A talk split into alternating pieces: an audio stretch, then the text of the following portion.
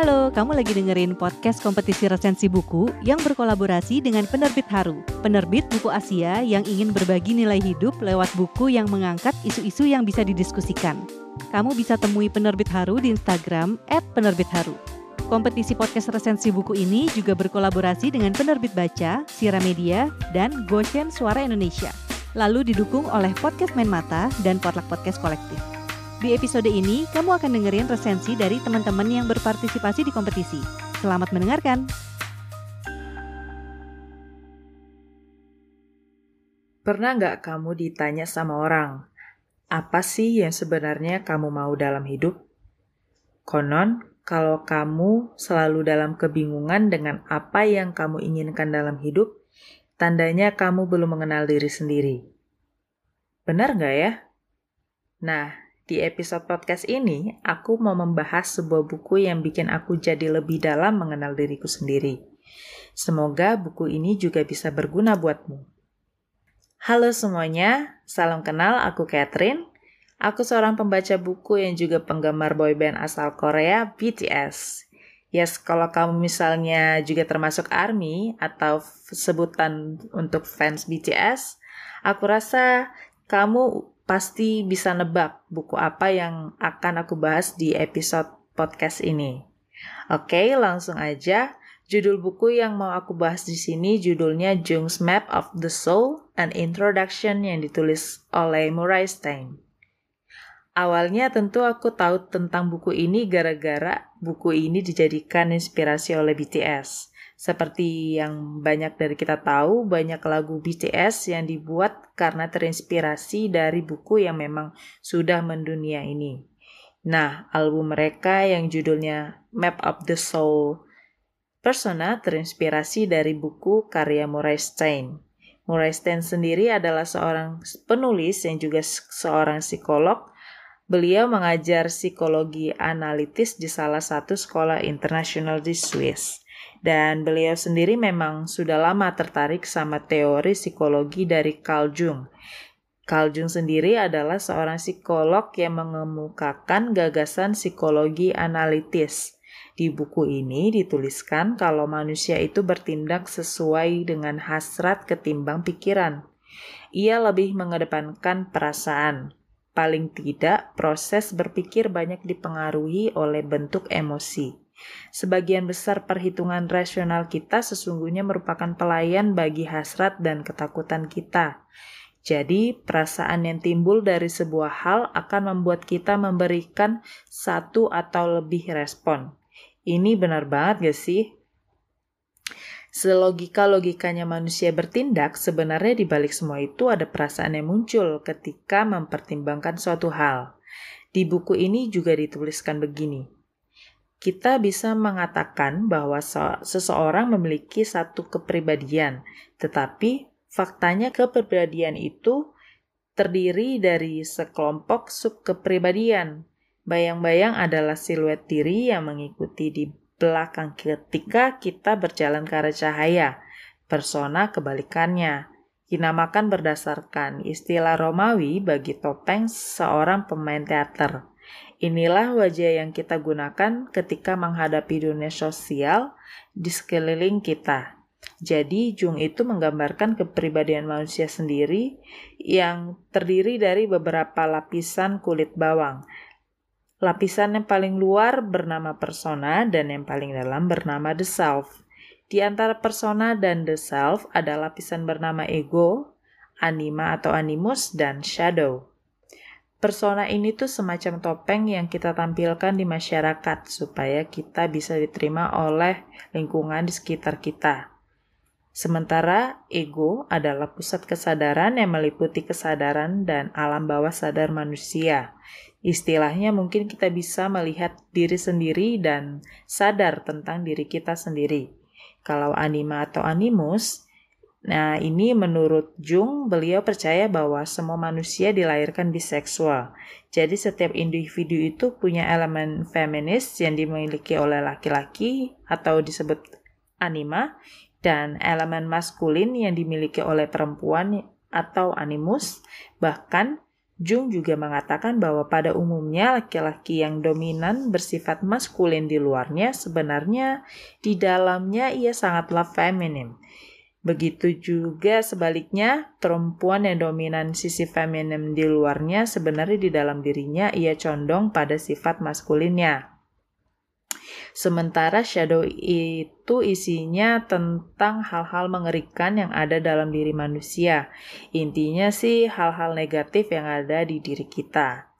Nah, lapisan paling terakhir itu adalah the self atau diri. Jung bilang bahwa diri adalah pusat mitos personal. Ini tuh perwujudan dari kesatuan semua aspek. Dan the self ini berbeda dengan ego, karena ego itu cuma pusat dari kesadaran. The self akan muncul apabila seseorang telah mencapai individuasi.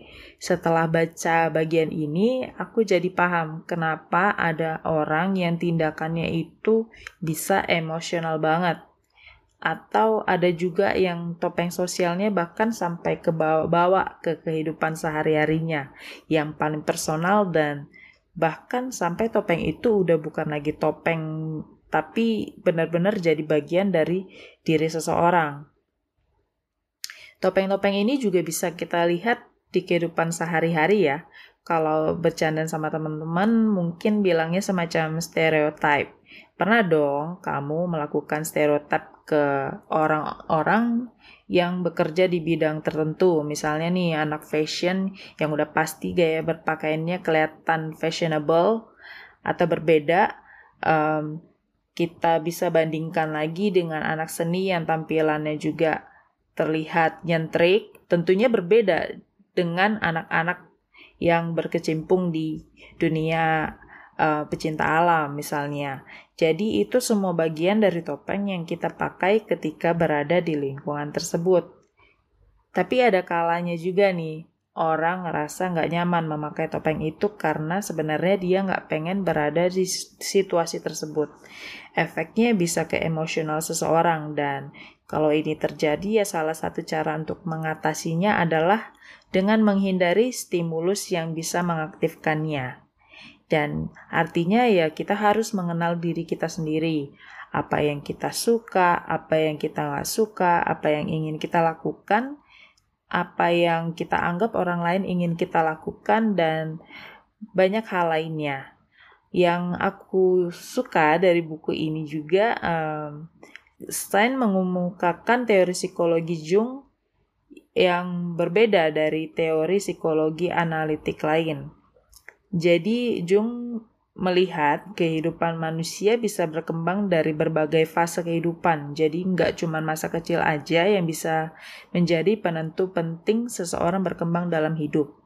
Soalnya kurasa kamu pasti udah pernah dengar atau ya selama ini kita tahu bagaimana masa kecil itu sangat menentukan kepribadian kita saat ini. Tapi sebenarnya aku sendiri juga udah ngerasain sih dan ngelihat dari orang-orang di sekelilingku juga kalau kepribadian itu masih bisa berubah sebenarnya meskipun kita udah ada di usia yang dewasa. Lebih susah tentunya karena pikiran kita juga sudah dipenuhi oleh segudang informasi dan kita juga udah punya ego-ego tertentu. Tapi menurut buku ini kita masih bisa berubah kok Nah, buku Jung's Map of the Soul and Introduction sebenarnya menarik banget, mengajak kita untuk menelaah dan mengupas bagian diri satu persatu. Tapi memang meskipun disebut sebagai introduction ya, buatku buku ini cukup sulit untuk dipahami. Dengan kata lain, bukan termasuk tipe buku yang bisa dibaca secara cepat tentu saja penulisnya sendiri juga mengakui karena um, menurutnya mengerjakan buku ini bukan perkara mudah. Buku ini merupakan hasil dari beliau mempelajari peta ruang jiwa yang dikemukakan oleh Jung selama hampir 30 tahun. Bayangin, mencoba merangkum data puluhan tahun ke dalam satu buku. Gila gak sih? Menurut Stein, Jung bisa dibilang sebagai Christopher Columbusnya dunia kejiwaan. Soalnya, Jung adalah orang pertama yang mendalami ruang alam bawah sadar manusia yang pada waktu itu dianggap masih misteri banget. Jadi Stein mencoba ngelanjutin yang sudah dilakukan oleh Jung dengan membuat pengantar ke teori Jung tentang psike manusia. Psike ini adalah istilah yang dipakai oleh Jung untuk menyebutkan keseluruhan kepribadian manusia. Jadi, buku Map of the Soul ini dibagi menjadi sembilan bab, dan bab tentang lapisan bawang kepribadian manusia ini ada pada bab 5 sampai 7. Yang menurutku sendiri bab ini yang paling mudah dimengerti kalau dibandingkan dengan bab-bab lainnya di dalam buku. Buku ini menjadi bestseller di Korea karena dijadikan inspirasi oleh BTS. Murray Stan sendiri pas tahu kalau bukunya jadi inspirasi album BTS langsung berterima kasih kepada mereka. Di podcast Speaking of Jung, selain ngasih komentar positif tentang album Map of the Soul Persona, dari BTS, Stein juga bilang begini, Saya senang bahwa mereka tertarik pada Jung dan buku saya, bahwa dengan begitu pesan dan misi visi Jung sedang ditransmisikan kepada banyak orang yang tadinya belum pernah mengetahui apa pun yang ada di pikiran Jung. Untuk mengapresiasi BTS, bahkan Stein sampai menerbitkan buku Map of the Soul Persona. Buku ini juga ngejabarin dengan lebih detail pokok-pokok pikiran yang diambil BTS dari buku Jung's Map of the Soul An Introduction. Wah, keren banget gak sih? Anyway, kalau kamu tertarik dengan buku Jung's Map of the Soul, An Introduction, kamu bisa baca versi terjemahannya yang diterbitkan oleh penerbit Shira Media. Bukunya sendiri tebalnya sekitar 292 halaman. Oke deh, segitu aja dulu rekomendasi buku dari aku. Semoga penjelasannya bermanfaat. Meskipun buku ini rumit, tapi menurutku wajib baca banget kok dan sebenarnya seru untuk dibaca berkali-kali karena aku yakin pemahaman kita sekarang saat baca buku ini pasti akan beda dengan beberapa bulan atau beberapa tahun mendatang. Terima kasih sudah dengerin podcast dari aku. Bye bye.